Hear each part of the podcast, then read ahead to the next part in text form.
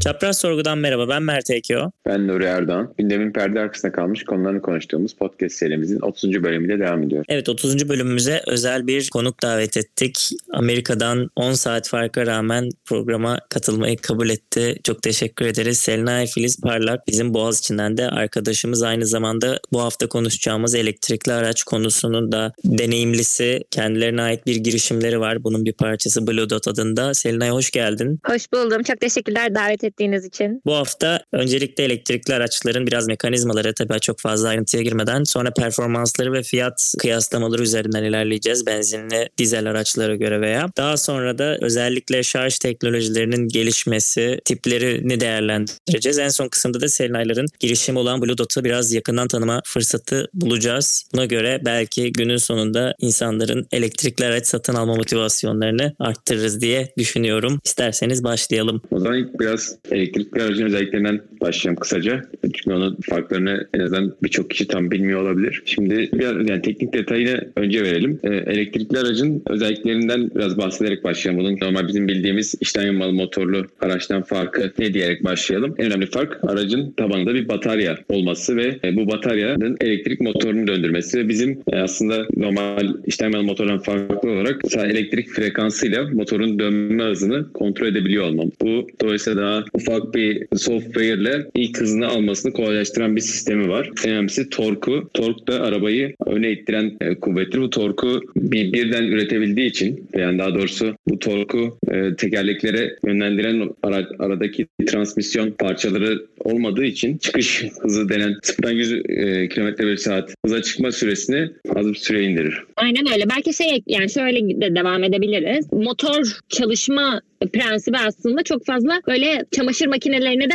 benzetebileceğimiz şekilde ve aslında böyle 3-4 tane de içten yanmalı motorlara göre avantajı var direkt söyleyebileceğimiz. Birincisi çok daha verimli çünkü neden? İşte yanma, hareketli parçalar, aktarma organlarının içeride olmasından kaynaklı oluşan enerji kaybı yok. Direkt zaten çevirebiliyoruz e, elektrikli arabalarda. Evet, ona power train deniyor yani şey daha o dediğim parçaların içten yanmalı motorlardaki bütünle yani birkaç parça var var. Şey, tekerleğe gelene kadar. O ortadan kalkmış oluyor elektrikli araçta kısaca.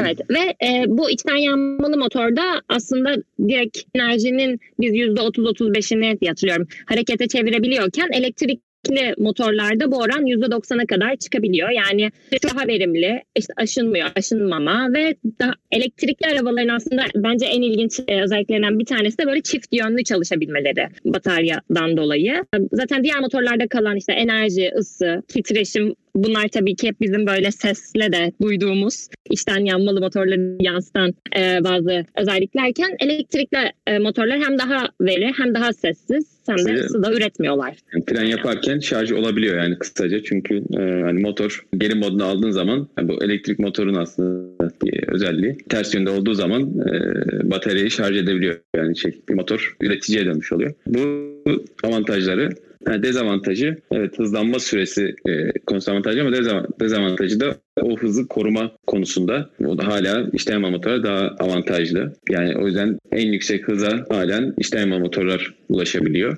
Ee, ama bu da bu konu bunu da şu an üzerinde en çok çalışılan mesele elektrikli araç üreticilerinin ee, ve yani kıyaslanabilir düzeyde ürünler çıkıyor. Ve tabii bunun bir diğer şey de mesafesi. Gittiği mesafede eğer çok yüksek hızda kullanırsanız dramatik bir şekilde düşüyor. Ama tam bataryayı nasıl kullanırız onu birazdan hani konuşuruz. Ee, ama genel olarak normal arabadan bildiğimiz anlamda arabadan farkı ne dersek herhalde bunlar olur. Çok hızlı hızlanması ama o hızı uzun süreler koruyamaması diyebiliriz belki. Aynen öyle. Belki eklenebilir. Yani elektrikli arabalar çok yeni bir teknoloji mi? Yani şu an artık daha fazla duymaya başlıyoruz. Yani bu çok yeni bulunan bir şey mi? Konusu çok fazla aynı zamanda gündemde. Onunla alakalı birkaç şey ekleyebiliriz. Ee, şu an elektrikli otomobillerde lityum ayon pillerinden oluşan bataryalar kullanılıyor. Ee, bunun aslında gelişen çalışmalar. E, bu batarya teknolojileri sadece elektrikli arabalara da yansımıyor zaten. Birçok hayatımızda şarj ettiğimiz şeyin e, batarya şekli, e, şemali her şeyi değişiyor.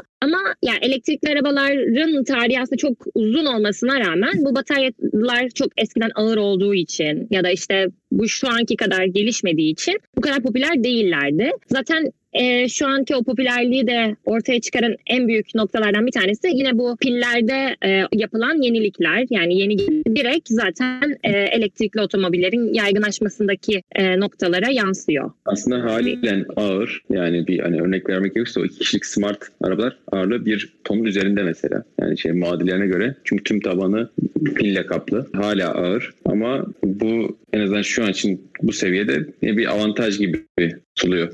Çünkü o ağırlığı denge veriyor. Ağırlık merkezini aşağı indiriyor. Açıkçası o yüzden fiziki olarak bir zorluğu yok ama fiziki olarak limitte yani kapladığı yer açısından. Bunun üzerine konulmaya çalışılıyor. Ben şunu eklemek istiyorum. Bir de tabii ki fiyat kısmı plana çıkıyor. Ee, sonuçta arabayı tercih etmek için, tüketime insanların buna yönelmesi için fiyatın ve fiyatın karşılığında alabildiklerinin de önemli olduğunu görüyoruz. Burada ben biraz yayından önce araştırma yaptığımda 2018'de Amerika'da Michigan Üniversitesi'nin bir araştırmasında bir içten yanmalı benzin yakıtlı aracın yıllık çalıştırma masrafının 1200 dolar civarı, 1100-1200 dolar civarı olduğunu gördüm. Aynı bölgede bir elektrikli aracın çalıştırma masrafının 450 ila 500 dolar olduğunu gördüm. Yani aslında aracın enerji tüketimi üzerine yıllık masrafları da neredeyse yarı yarıya fark ettiğini görüyoruz. Buna rağmen halen lojistik yeterlilikler olsun, insanların tercih etme eğilimleri olsun yeterince tercih edilmediğini görüyoruz. Tabii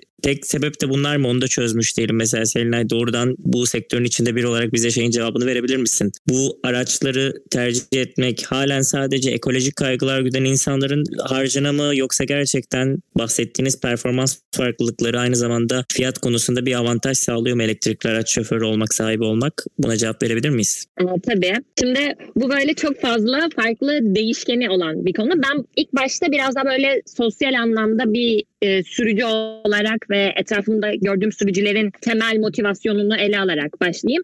Birincisi ben elektrik yani sadece elektrikli araba konusunda değil ama araba sahibi olma dediğimiz şey sadece sahiplikle alakalı bir durum da değil. Yani bir deneyim aslında baktığınızda. Yani şey demezsiniz işte çok fazla şu şu şu arabam var ya, ya yine söylenir ama onun yerine şu arabayı sürüyorum denir genelde değil mi? Yani böyle bir kullanımda bile biraz daha böyle e, deneyim odaklı bir sahip olma durumu var. Ki bu elektrikli arabalarda çok daha fazla geçerli. Çünkü çok daha farklı bir deneyim e, sunuyor. Sadece arabanın sürüş e, anlamındaki deneyimi değil, e, tamamen işte connectivity konusundaki farklılıkları e, ki bu Tesla'nın da çok fazla aslında markete getirdiği bir şey. Bir işte statü e, göstergesi olması, e, elektrikli araba sürerken senin de bahsettiğin gibi çevreye dair bir mesaj veriyor olmak. E, normalde bir arabaya bindiğinizde zaten birçok farklı mesaj verme şeyinde oluyorsunuz, durumunda oluyorsunuz ki çok yaygın bir şey işte. Aa, ne sürüyorsun? Şunu şu arabayı sürüyorum. Hepsi böyle farklı bir sadece statü demeyeceğim bir grup da oluşturuyor aslında insanlar arasında araba ownership'i. E, ama elektrikli araba konusunda şu an insanların alırken ki en büyük düşündüğü şeyler bir evet tabii ki e, parasal anlamda bunun hem işte şarj maliyeti e, direkt gazdan farklı olarak çok daha e, uyguna geliyor. En büyük e, noktalardan bir tanesi bu. Ki şöyle kişiler biliyorum elektrikli araba alıp burada tüm şeyini şarj deneyimini ücretsiz olan yerlerde gerçekleştiren, sürekli ücretsiz şarj noktalarına gidip oralarda şarj eden, yani gerçekten böyle bir senelik günlük commute'unu ücretsiz hale getiren insanlar var e, elektrikli arabalarla beraber. Tabii o biraz böyle e, first mover, early adapter olmanın da getirdiği bir şey. Şu an çünkü ücretsiz şarj noktaları var e, burada San Francisco'da. E, onun dışında şöyle bir şey, e, bir, evet çok uyguna geliyor. Özellikle sa- zaten sadece evden işe gidiyorsanız çok mantıklı. Çünkü normalde insanların ortaya koyduğu bu range'in kısıtlı olması konusu yani işte ben sadece 100 kilometre gidebiliyorum ya da sadece 300 kilometre gidebiliyorum bu arabayla e, dediğimiz konu siz zaten her gün evden işe giderken bir sorun haline gelmiyor. Evden işe gidiyorsunuz, eve tekrar geliyorsunuz, şarj ediyorsunuz, telefonunuzu şarj eder gibi akşamları. E, o yüzden çok aslında güzel bir deneyim haline e, geliyor. Orada tabii şey o dediğin komple bedavaya getirenleri söyledin ama onların kullandığı şey sanırım e, level 1, seviye 1 seviyesinde bir şey mi oluyor? Şarj tipi mi oluyor? Yani onlar herhalde sadece bir gecede 50-60 kilometrelik ya da 100 kilometrelik falan herhalde şarj ediyor olur. Yani o e, eğer bataryayı tüm bir gecede fulllemek isterseniz mecbur e, bir bin dolar falan verip daha iyi bir 240 voltluk e, şey takmanız lazım. Yani o aracın içerisine gelmiyor sanırım. O da o yüzden ekstra maliyet de halen yapılabilen bir şey. Hızlı yani hızlı şarj değil bir de asıl sanırım daha da ötesi DC şarjlar var. Onların ücretleri hakkında da belki bilgi verebilirsen güzel olur. Onlar da uzun yol kullanacaksan işte bu yarım saatte depoyu ya da bir saatte %20'den %80'e getiren e, teknolojiler onlar da var. E, super Charger deniyor sanırım o Tesla'nınkine ama diğer araçların da kullandıkları herhalde vardır öyle bir şey. Yani belki onların da maliyetini belki ekleyebilirsin. Orayı bir açayım. Aynen süper. Şimdi normalde şarj şu anki şarj istasyonları üçe ayrılıyor. Level 1, 2 ve işte DC dediğimiz ona da bazen 3 diyorlar. Ee, üç farklı e, şarj tipi var. Bu level 1 dediğin az önce senin de bahsettiğin genelde arabayla beraber geliyor bu arada. Yani benim şu ana kadar kullandığım bütün arabaların içinde level 1 şarj şeyi vardı. E, şarj aleti vardı vardı aslında. İstasyon demeyeceğim şarj aleti. E, bildiğiniz evinizin herhangi bir plug'ına takıp şarj edebiliyorsunuz. Ama çok yavaş tabii ki. Bu böyle biraz daha acil durumlarda ya da ne bileyim sadece evde şarj ediyorsanız e, akşamları olabilir. Kullanabileceğiniz bir e, şey şarj etme türü ama çok uzun 15-20 saati bile bulabilir batarya büyüklüğünüze ya bataryanıza bağlı olarak. Çok tercih edilmiyor dediğin gibi ama arabayla beraber geliyor şu an. İkincisi bu level 2 e, charger'lar. Level 2 dediğimiz e, şarj istasyonları 21-22 kW'a kadar ki tüm şarj istasyonlarına biz level 2 diyoruz. E, bunlar da şu an aslında en yaygın şarj istasyonları tüm dünyada. E, işte 7 kW e, aslında bayağı yaygın e, burada. 7-8 kW'lık şarj istasyonları. Onun dışında bir 11 kW'lıklar var. Onlar da yaygın. Ondan sonra direkt zaten 21-22 kW'a çıkıyor.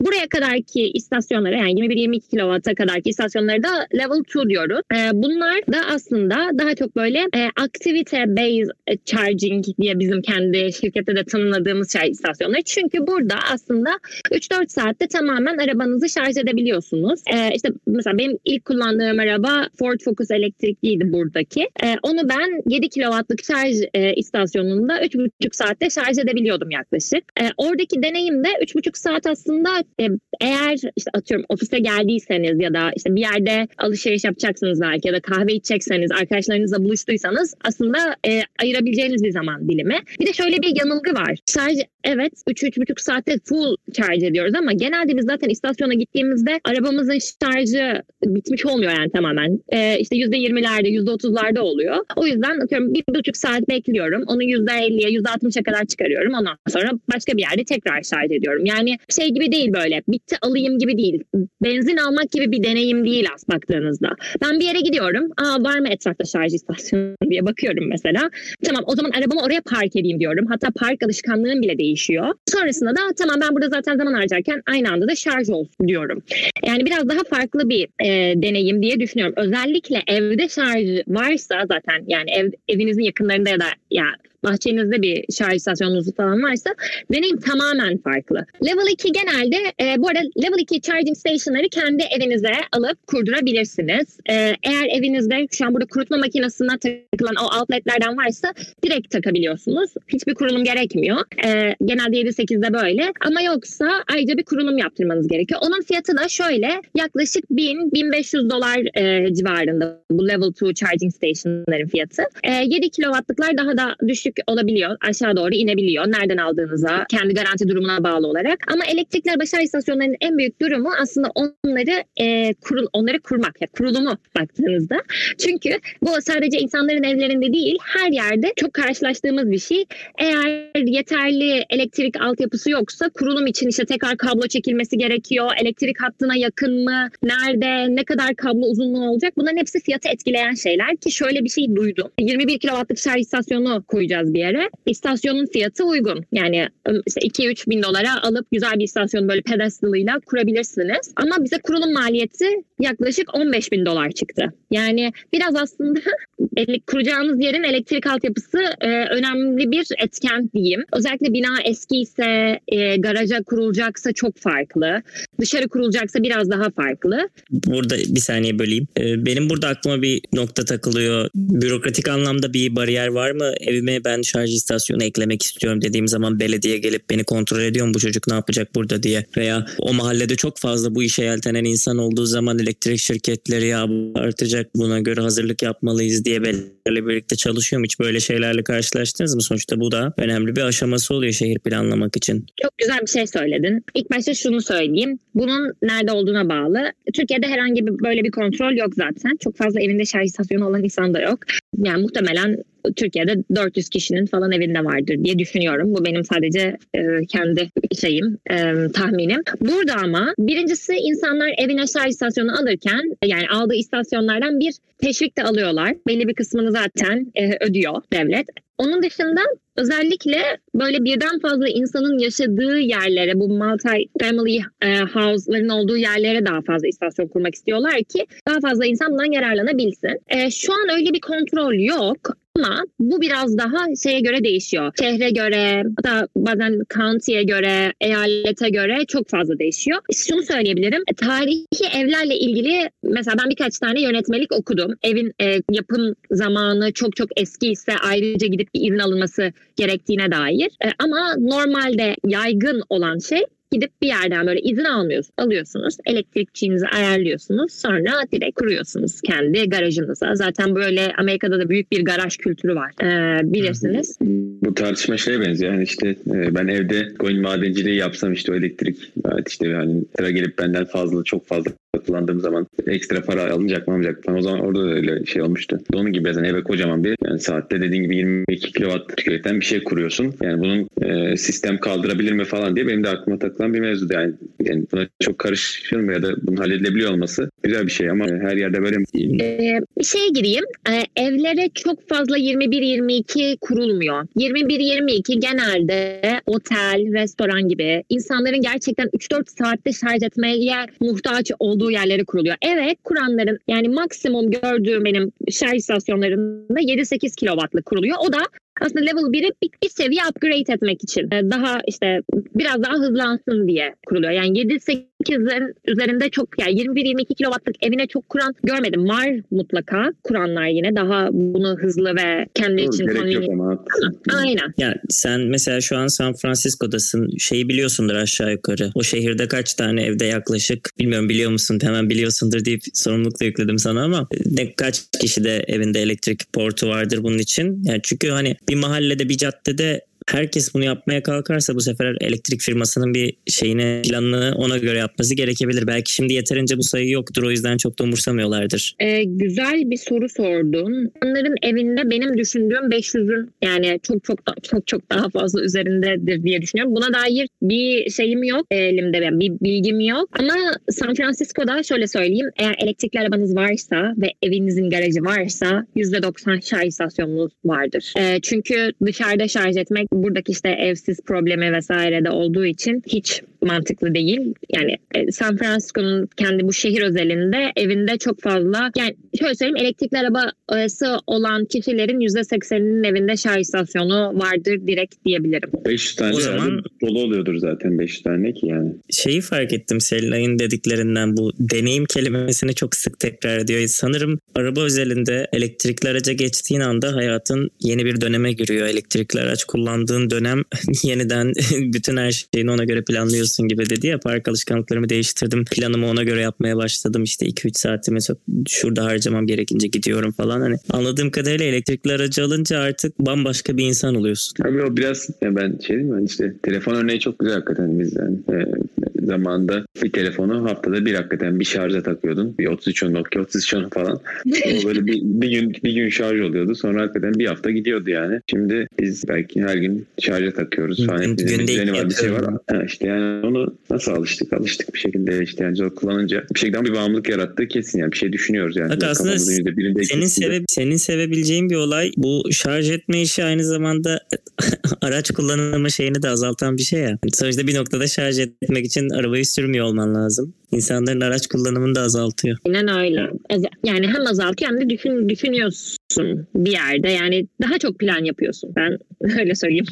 E, yolculuklara dair. Evet yolculuk demişken o zaman işte istersen son e, o DC şarj istasyonları, süper şarjlardan da bahset. Sonra fiyat kısmına geçelim. Şöyle bir de son olarak bu DC Level 3 dediğimiz charging stationlar var. DC diye geçiyor genelde. Bu şarj istasyonları elektrikli araba kullanıcılarının en sevdiği istasyonlar. Neden? Çünkü uzun bir yolculuğa çıktığınızda 2-3 saat bir yerde beklemek hiç şey değil yani hiç güzel değil. Zaten atıyorum 4 saatlik bir yola gidiyorsunuz. Orada 2-3 saat beklemek kimse istemez. E, bu DC charging station'lar aslında ıı, sizin 20-30 dakikada arabanızı şarj edip tamamen fullleyebileceğiniz e, şarj noktaları. Amerika'da e, böyle bunun başını çeken EVgo diye bir firma var. Çok fazla DC charging station'ı var. Onun devamında da hemen Electrify America ve ChargePoint de çok yaygın e, diğer markalar. Neden çok seviyoruz? Çünkü e, birincisi hızlı olması bize şey yani diğer eski deneyimimizi hatırlatıyor. Çok çok hızlı bir şekilde hemen şarj edip arabayı devam edebiliyoruz. E, onun dışında şöyle bir durum var. E, fiyat olarak tabii ki daha pahalı e, istasyonlara göre. Siz orada aslında dakika başına bir para ödüyorsunuz. E, bu Level 2'da da böyle. E, DC'lerde de böyle. Yani kilowatt üzerinden değil. 2023 sonrasında Kaliforniya'da böyle bir değişiklik yapılacak. E, artık enerji enerji para ödenmesi e, konusunda ama şu an tamamen dakika bazlı. Burada da tabii ki Level 2'nun dakika başı maliyeti daha uygun olurken Level 3'de bu böyle değil. Ben şöyle söyleyeyim. Çok yakın zamanda uzun bir yola giderken arabamı yolda 4 kez falan şarj etmek zorunda kaldım. Çünkü 80 mile'dı arabanın range'i. Orada bana yansıyan cost her şarjda yani her 70 mile'da bir yaklaşık 3,5 dolar verdim. Öyle söyleyeyim. Biraz böyle e, düşünebilirsiniz fiyatı. 70-80 mile'da yaklaşık herhalde 100, 100 kilometreyi biraz daha geçiyor. Düşünebilirsiniz. Daha pahalı, daha az. E, DC'leri her yere kuramıyorsunuz. DC'nin maliyeti 25 bin dolardan başlıyor. 100 bin dolara kadar çıkıyor. O yüzden de çok e, yani kurulum maliyeti çok yüksek olduğu için onun için bir yatırım gerekiyor tabii ki. Ve bu yatırımda şu an e, aslında ölü bir yatırım oluyor başlangıçta. Çünkü onun çıkması için uzun bir e, zaman gerekli oluyor. Hemen alamıyorsunuz geri karşılığını. Bunun için de aslında en büyük etken e, az sonra belki yine konuşuruz. İşte devlet teşviki, devletlerin bu konuda bir yatırım yapması. Bazı işte şu anki firmaların VC VC'lerin bu firmaları desteklemeleri falan olabilir ama orada da çok destek alınmıyor. Çünkü neden? Yine dönüş çok çok çok çok yavaş. Aslında en büyük etken bence orada devlet teşviki ve oranın biraz daha güçlendirilmesi. DC herkes çok seviyor ama hala çok fazla DC charging station yok maalesef. Yani dediğin gibi yani 70 yani 110 kilometrede saatte yani 100, 100 kilometrede 3,5 e, dolar civarı zaten herhalde şeyle normal benzin araçlar işte aynı fiyata geliyor sanırım. O yüzden hani o haliyle bile benzer bir şey var sanırım uzun yolda maliyeti var Ama diye düşünüyorum. Selinay'ın şey dediği nokta DC şarjlar için değil de genel olarak elektrikli araçların altyapısı, yolların uygunluğu, şehirlerin buna göre tasarlanmış olması falan tamamen aslında devlet planlaması üzerinden dönebilecek işler. Çünkü çok büyük bir skalada ekonomik gereksinim gerektiği için uygun yollar yapmak, uygun şarj istasyonları planlamak veya şehirleri ona göre tasarlamak gibi e, tek başına hani bu araç üreticilerinin veya bu tarz işte bu işi kolaylaştıracak şirketlerin altına girebileceği ekonomik gücün çok daha üstünde. Aynen öyle. Bir de şöyle bir şey söyleyeyim. E, tabii ki bu bulunduğunuz bölgedeki elektriğin e, fiyatına göre de çok değişen bir şey. Yani bu fast charging'in, bu hızlı şarjın size olacak kostu ki aynı şekilde evlerde şarj ederken de e, öyle. Yani bulunduğunuz bölgedeki elektrik rate ne, ne kadar enerjiyi ne kadar alıyorsunuz o çok önemli. E, bir de tabii ki enerjinin kaynağını değiştirebiliyorsunuz. Kendi evlerinizde de bazı işte şarj istasyonlarının üstünde şey yazıyor. Bu istasyon tamamen renewable enerjiden üretilen elektrikle işte size sizin arabanızı şarj ediyoruz. Bunlar da bayağı böyle hem fiyatı etkileyen durumlar öyle söyleyeyim hem de sizin oradaki zaten işte doğaya olan katkınızı da tamamen değiştiren e, durumlar. O da çok konuşulan bir şey olduğu için böyle çok küçük ekleyeyim onu, istedim. Onu ayrıca soracağım o şey yan ürünleri. Tamam. İstersen demin e, konuştuğumuz gibi hem hikmet teşviğine tekrar değinmiş oluruz. Yani bir fiyatları elektrikli araçların yaklaşık ne kadar pahalı, ne kadar yani daha pahalı olduğu sanırım kesin ama ne kadar pahalı ve ne kadar sürede yaklaşık o farkı amorti ediyor. Onu biraz düşünebiliriz. Onun için de aklında bir böyle birbirleriyle muadil olan ürün varsa iki hem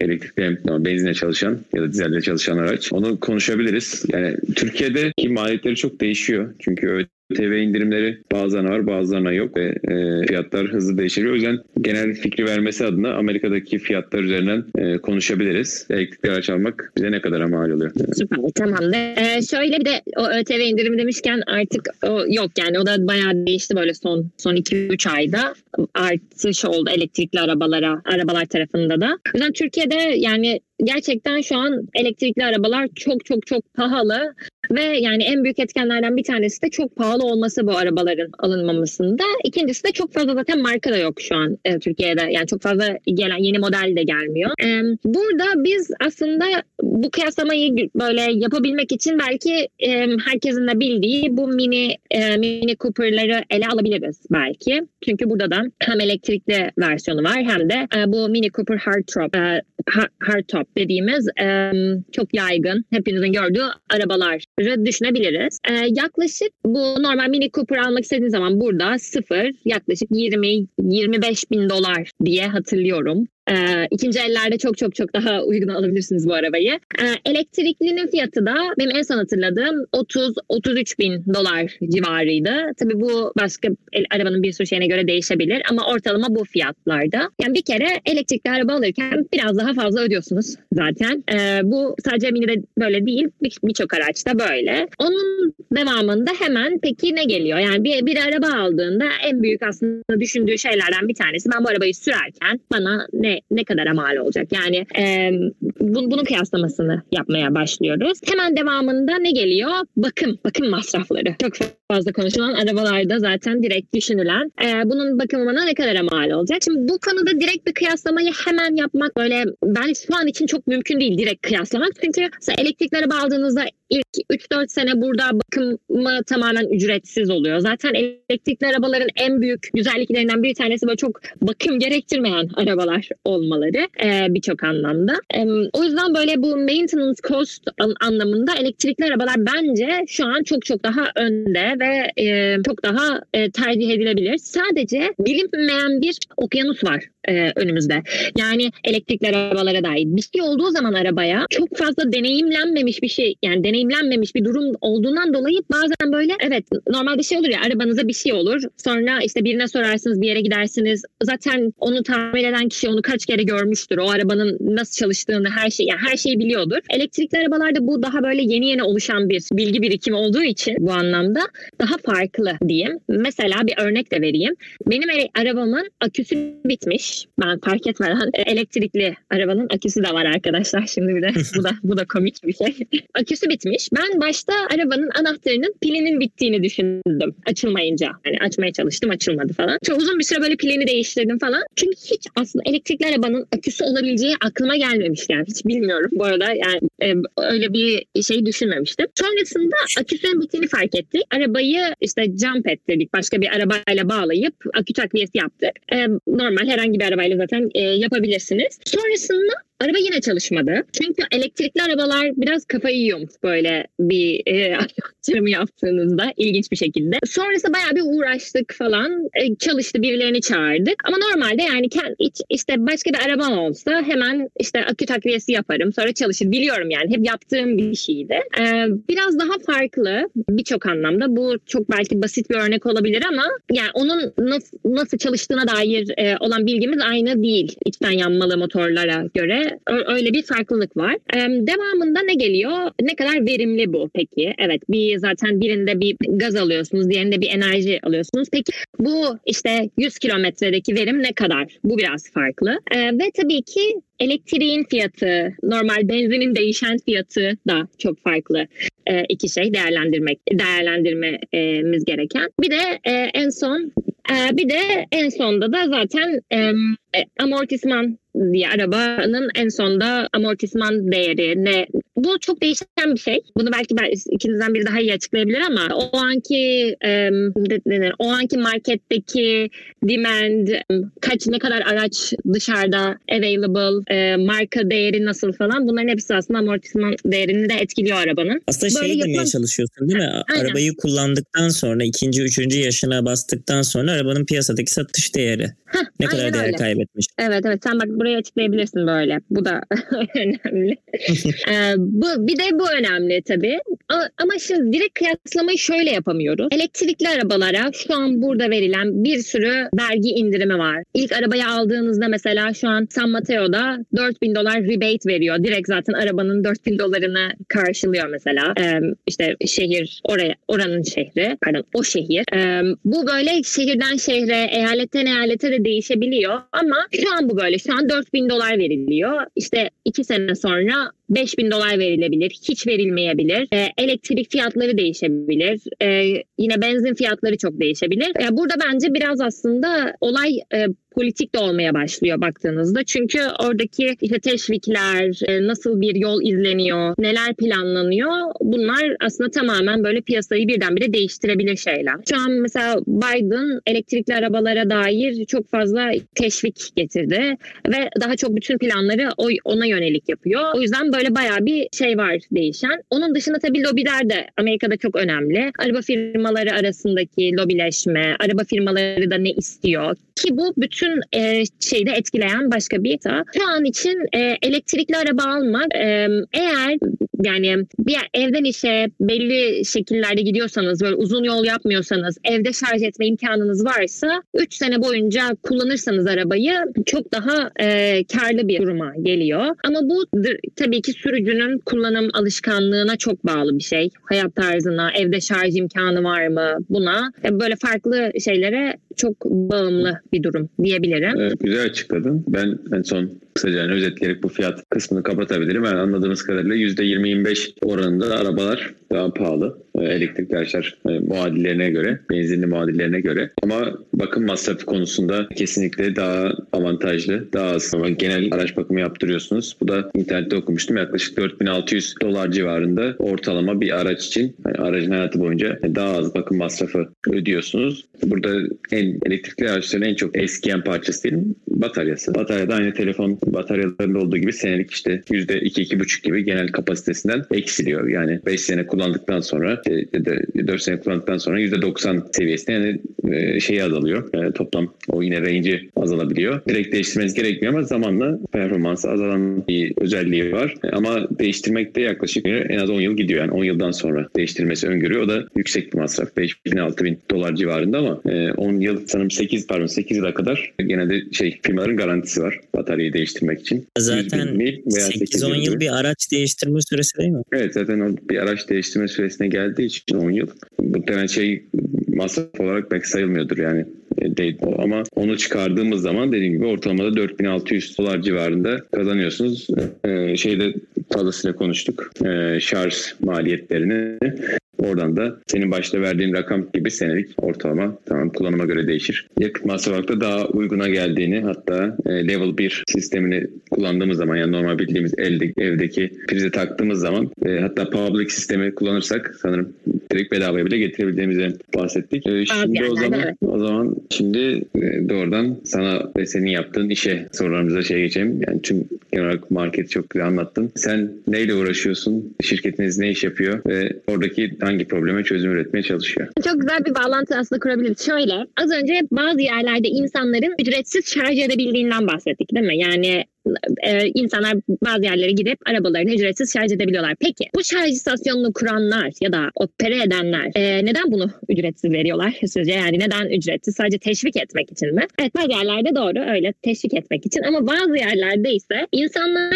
şarj istasyonlarında belli bir zaman harcıyorlar. Ve bu zaman aslında bizim benzin istasyonlarında harcadığımız zamanın yaklaşık 10 katından fazla olabiliyor bazen. Peki şöyle düşün yani şöyle bir bakalım size de sorayım. Mesela işte bir gaz istasyonuna gittiğinizde e, genelde sadece benzin alıp çıkıyor musunuz yoksa işte markete falan uğruyor musunuz? Nasıl bir deneyim var orada? Neler yani mesela hangi gaz istasyonunda duracağınıza nasıl karar veriyorsunuz? Onu sorayım size mesela. Bir alışkanlık var. Yani genel olarak çok sık değiştirilen bir şey değil benzin istasyonu. Eğer şehir içindeysen hepsine ulaşmak da kolay. Şehir dışındaysan da tabii benzin durumuna göre alışmadığın yere de girebiliyorsun. Bu benzinlikteki vakit harcama kısmı deyince de aklıma şey geldi. Şehir içindeysen sadece ekstra bir durum yoksa benzini alıp çıkmak yani parayı ödemek için içeri gidiyorsun bazen kartla ödüyorsan da şehirler arası bir yolculuk yapıyorsan alışveriş olsun, dinlenme olsun bunlar için benzinliğin kompleksi de kullanışlı olabiliyor. Tuvalet olsun. Aklıma bunlar geldi. Tuvalet önemli Bunu, bence tuvalet evet Opet.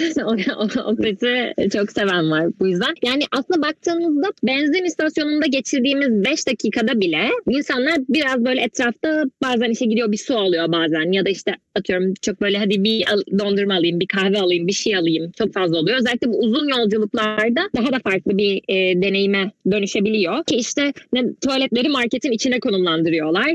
Bunun nedenlerinden bir tanesi de baktığınızda aslında gaz istasyon, bu benzin istasyonlarının incelediğiniz zaman e, karlılıklarını, işte ne kadar para kazanıyor, nereden kazanıyorlar. Benzin istasyonları kazandıkları paraların yüzde kırkını aslında bu C-Store dediğimiz convenience store içerideki ketlerden kazanıyorlar. Bize de çok ilginç gelmişti ilk duyduğumuzda. Bilmiyorum size şu an ilginç geldi mi ama Yok gelmedi. Yani bu- Çünkü vergi çok yüksek petrolde. En azından Türkiye için söyleyeyim. Çok fazla petrol satışından kazanamıyorlar benzin satışından. Evet bu her yerde böyle neredeyse. Ve bu sadece orada 5 dakika harcadığımız bir e, durumda böyle. E, biz bunun üzerine kafa yorarken yani bu tabii işin içerisindeyiz uzun bir zamandır da e, ve artık böyle deneyimleme imkanımız da oldu. Ben e, şarj e, arabamı şarj ederken şey düşünüyorum. Evet o ara ne yapacağım? Nereye gideceğim? İşte hangi nerede oturabilirim? E, ne yapabilirim eğer 2-3 saati buluyorsa. Bu bize şeyi e, getirdi. Şunu sormaya başladık. Bir, insanlar şarj etmek için genelde hangi lokasyonları tercih ediyorlar? Nasıl bir deneyim var bunun arkasında? Burada da şeyi fark ettik. Genelde ya bir şey yapacaksanız yani etrafta bir bir aktivite varsa sizin de zamanınızı harcayabileceğiniz e, restoran, otel, fitness center, insanların zaman harcayabilecekleri yerlerde şarj istasyonunun konumlanması çok daha stratejik. Aynı zamanda burada şarj eden insanlar da loyal'lar o lokasyona karşı. Çünkü biliyorlar ki o lokasyonda gider, gidip arabalarını şarj edebilirler. Zaten bir kere keşfedince güzel bir şarj lokasyonu düzenli gitme alışkanlığı da oluyor oraya. E, çünkü biliyorsunuz ki o çalışıyor yani. Orada bir istasyon var. Yeni bir yer keşfedeyim şimdi. Başka bir istasyonda şarj edeyim gibi bir şey çok düşünülmüyor da öyle söyleyeyim. Bu da bize şey getirdi. Evet bu arada bak şöyle anlatayım. Bu arada e, benzin istasyonlarına yaklaşık 8 dolar harcanıyor e, ortalama gidildiğinde o 5-10 dakika içerisinde. Bu elektrikli araba şarj konusuna geldiği zaman insanlar beklerken yaklaşık ortalama 30-35 dolar para harcıyorlar arabaları şarj olurken. İşte burada e, gittiğiniz bir retail varsa, market var, gittiğiniz bir market varsa marketin altında işte marketin parking lotuna park edip orada yukarıda gidip marketten bir şeyler aldığınızda bütün bu araştırmalara göre elektrikli araba kullanıcıları diğer markete alışveriş yapan insanlara göre basket size'larında yüzde 40 bir artış oluyor. Orada vakit geçirdikleri için. İşte mesela şey diyorsun. Aa 20 dakika biraz daha zaman geçireyim. O, e, daha öyle dediğin için basket size'da birdenbire aslında artmış oluyor baktığınızda. Daha fazla harcama yapıyorlar. Hı. Direkt öyle söyleyeyim ya. Peki ben hemen araya gireyim. Hakikaten şey var mı böyle büyük Walmart'ın, ne bileyim Giants'ın falan işte o yani büyük bildiğimiz market zincirlerinin otoparklarında falan kuruluyor mu? Hakikaten o yüzden mantıklı geldi Evet. bana da. Alışverişe gitmişken hemen o sırada şarj etmek falan. Çünkü yarım saatten fazla sürer. Ve burada kurulumda çok stratejik bir e, durum var. Sürekli size gelen bir kullanıcı kitlesi oluşmaya başlıyor. Bu kitle daha fazla zaman geçiriyor. Bazen sırf şarj edebilmek için bile sizin marketinizi tercih ediyor. Atıyorum bu Whole Foods ve e, Trader Joe arasında bir seçim yapması gerekirse hangisinde istasyon varsa ona e, gidiyor gibi düşünebilirsiniz. Eğer elektrikli araba kullanıcısı ve gerçekten şarj ihtiyacı varsa. O yüzden aslında çok stratejik konumlanma. Ee, burada marketler, restoranlar, fitness center'lar insanların vakit geçirdikleri yerler. Ee, biz de bunu fark ettikten sonra buradaki e, engagement, insanlar o elektrikli araba kullanıcıları ve lokasyonlar arasındaki o bağlantıyı nasıl daha kurabiliriz. Üzerine biraz gitmeye başladık. Çünkü şu an normalde şarj istasyonu koyan firmalar gidiyorlar marketlere, istasyonun kurulumunu yapıyorlar ama o marketin oraya kaç kişi geldi, e, işte elektrikli araba kullanıcısı eğer benden bir şey aldı mı, almadı mı, işte o basket size'da değişimler neler, ben onlara farklı ürünleri promote edebilir miyim, ne yapabilirim bu kullanıcılara özel olayı değil. Bu kullanıcı yani siz bir elektrikli araba kullanıcısı olarak bazen bir otele gittiğinizde otel resepsiyonunuza resepsiyonuna şey sorduğunuzda işte arabamı şarj edebilir miyim diye sorduğunuzda şey diyebilir size e, resepsiyondaki kişi. Bizde işte istasyon yakında ne istasyonu falan ya da bildiğiniz telefon şarjı falan bile verebilir. Yani şey iyi değil. Lokasyon sahibi ve operatör arasındaki bağlantı çok net kurulabilmiş değil. Çünkü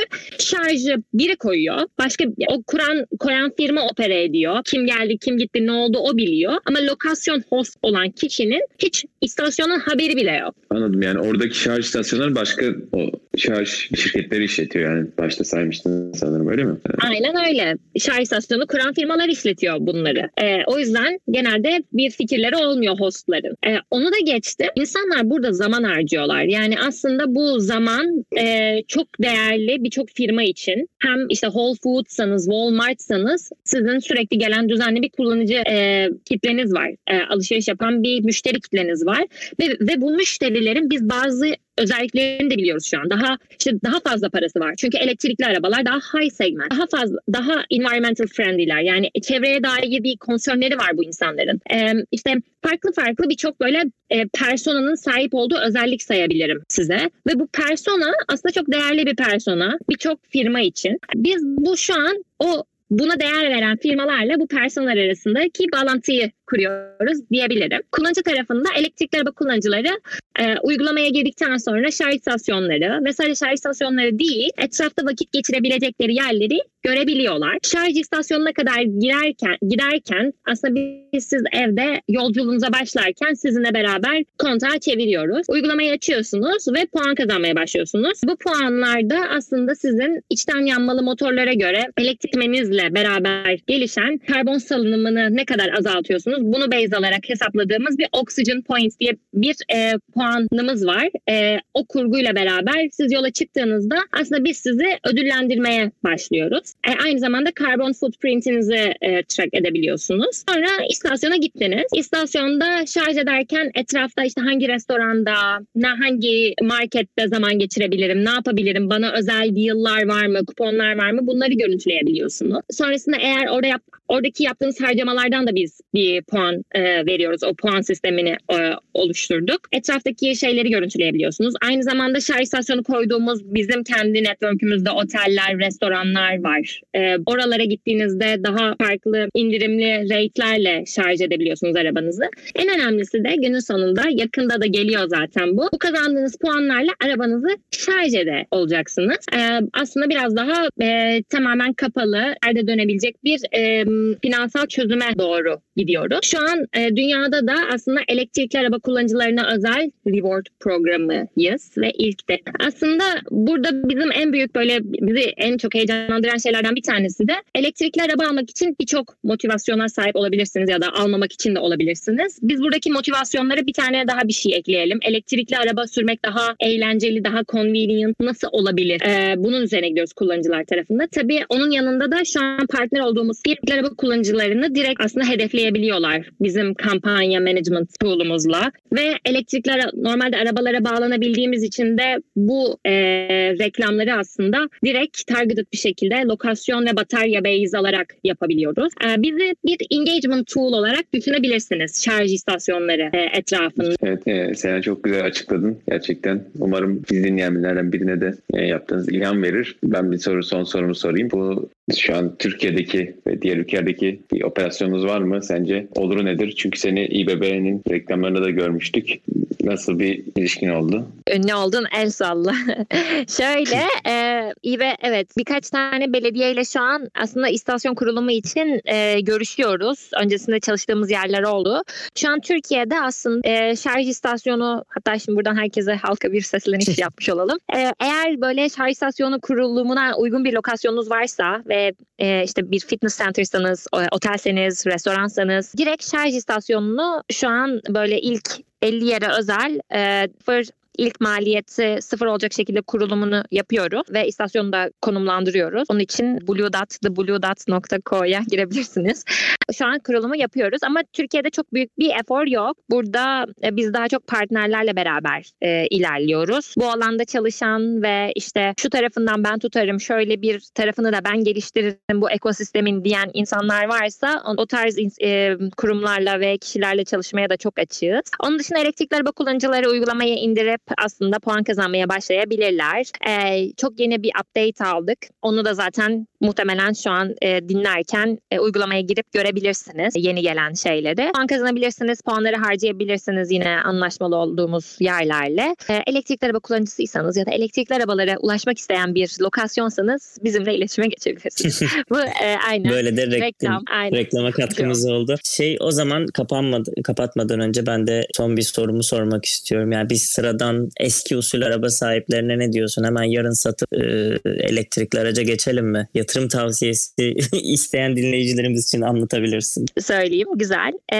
yatırım olarak düşünüyorsanız e, bence hemen yapmayın. Ee, tabii burada biraz daha objektif olayım. bir de arabaya nasıl buna da bağlı. Farklı bir şey deneyimleyeyim. Çok başka bir şeye binmek istiyorum. Araba olmasın diyorsanız, başka bir şeyler deneyim istiyorsanız alın deneyin. Çok güzel bir deneyim. Şu an yeni araba alırken bile böyle akrabalarım, ailemden insanlar soruyor. Elektrikli araba alalım mı? Ne düşünürsün? Nasıl fiyatlar? Ne yapalım? Hibrit biraz daha fazla tercih edilen tarafta. Ama tabii bana soracak olursanız hemen alın. Çok objektif olamıyorum bu konuda. Orada yatırım olarak düşünüyorsanız bir tavsiye istiyorsanız da biraz daha beklenebilir Türkiye case'inde. E, yurt dışında bence hiç beklemeye gerek yok zaten. Yurt dışından dinleyen e, dinleyicilerimiz varsa buradan hemen var, var. onlar alabilirler. Gariptir var biliyor musun? Toplam 18 farklı ülkeden dinlendik şimdiye kadar. Süper çok güzel. O zaman e, siz bence bir düşünün. Hatta alırsanız e, elektrikli araba alanlar bunu dinledikten sonra da Blue Dot'ı da indirmeyi unutmasınlar diyeyim o zaman. Evet bu bu hafta elektrikli araçları konuştuk. Selinay, Selinay Filiz Parlak da bizim konuğumuz oldu. Onların da bu alanda bir girişimi var Blue Dot adıyla en son kısımda bahsettiği üzere. İlk kısımlarda elektrikli araçların içten yanmalı motorlu araçlara göre bazı özelliklerine kıyasladık. Sonra bunun hangisinin daha karlı olabileceği üzerine konuştuk. Selinay hemen yarın gidin elektrikli araç alın dedi. Bunda şey yapayım yatırım tavsiyesi değildir. Biz çok teşekkür ederiz Selinay. İnşallah girişiminizde de global bir marka olursunuz. Daha iyi yerlere gelirsiniz. Biz de gururlanırız tekrardan. Ben çok teşekkür ederim. Umarım birkaç kişiye de böyle elektrikli güzel bir ilham olmuştur. Ee, diyeyim. Teşekkürler davetiniz için.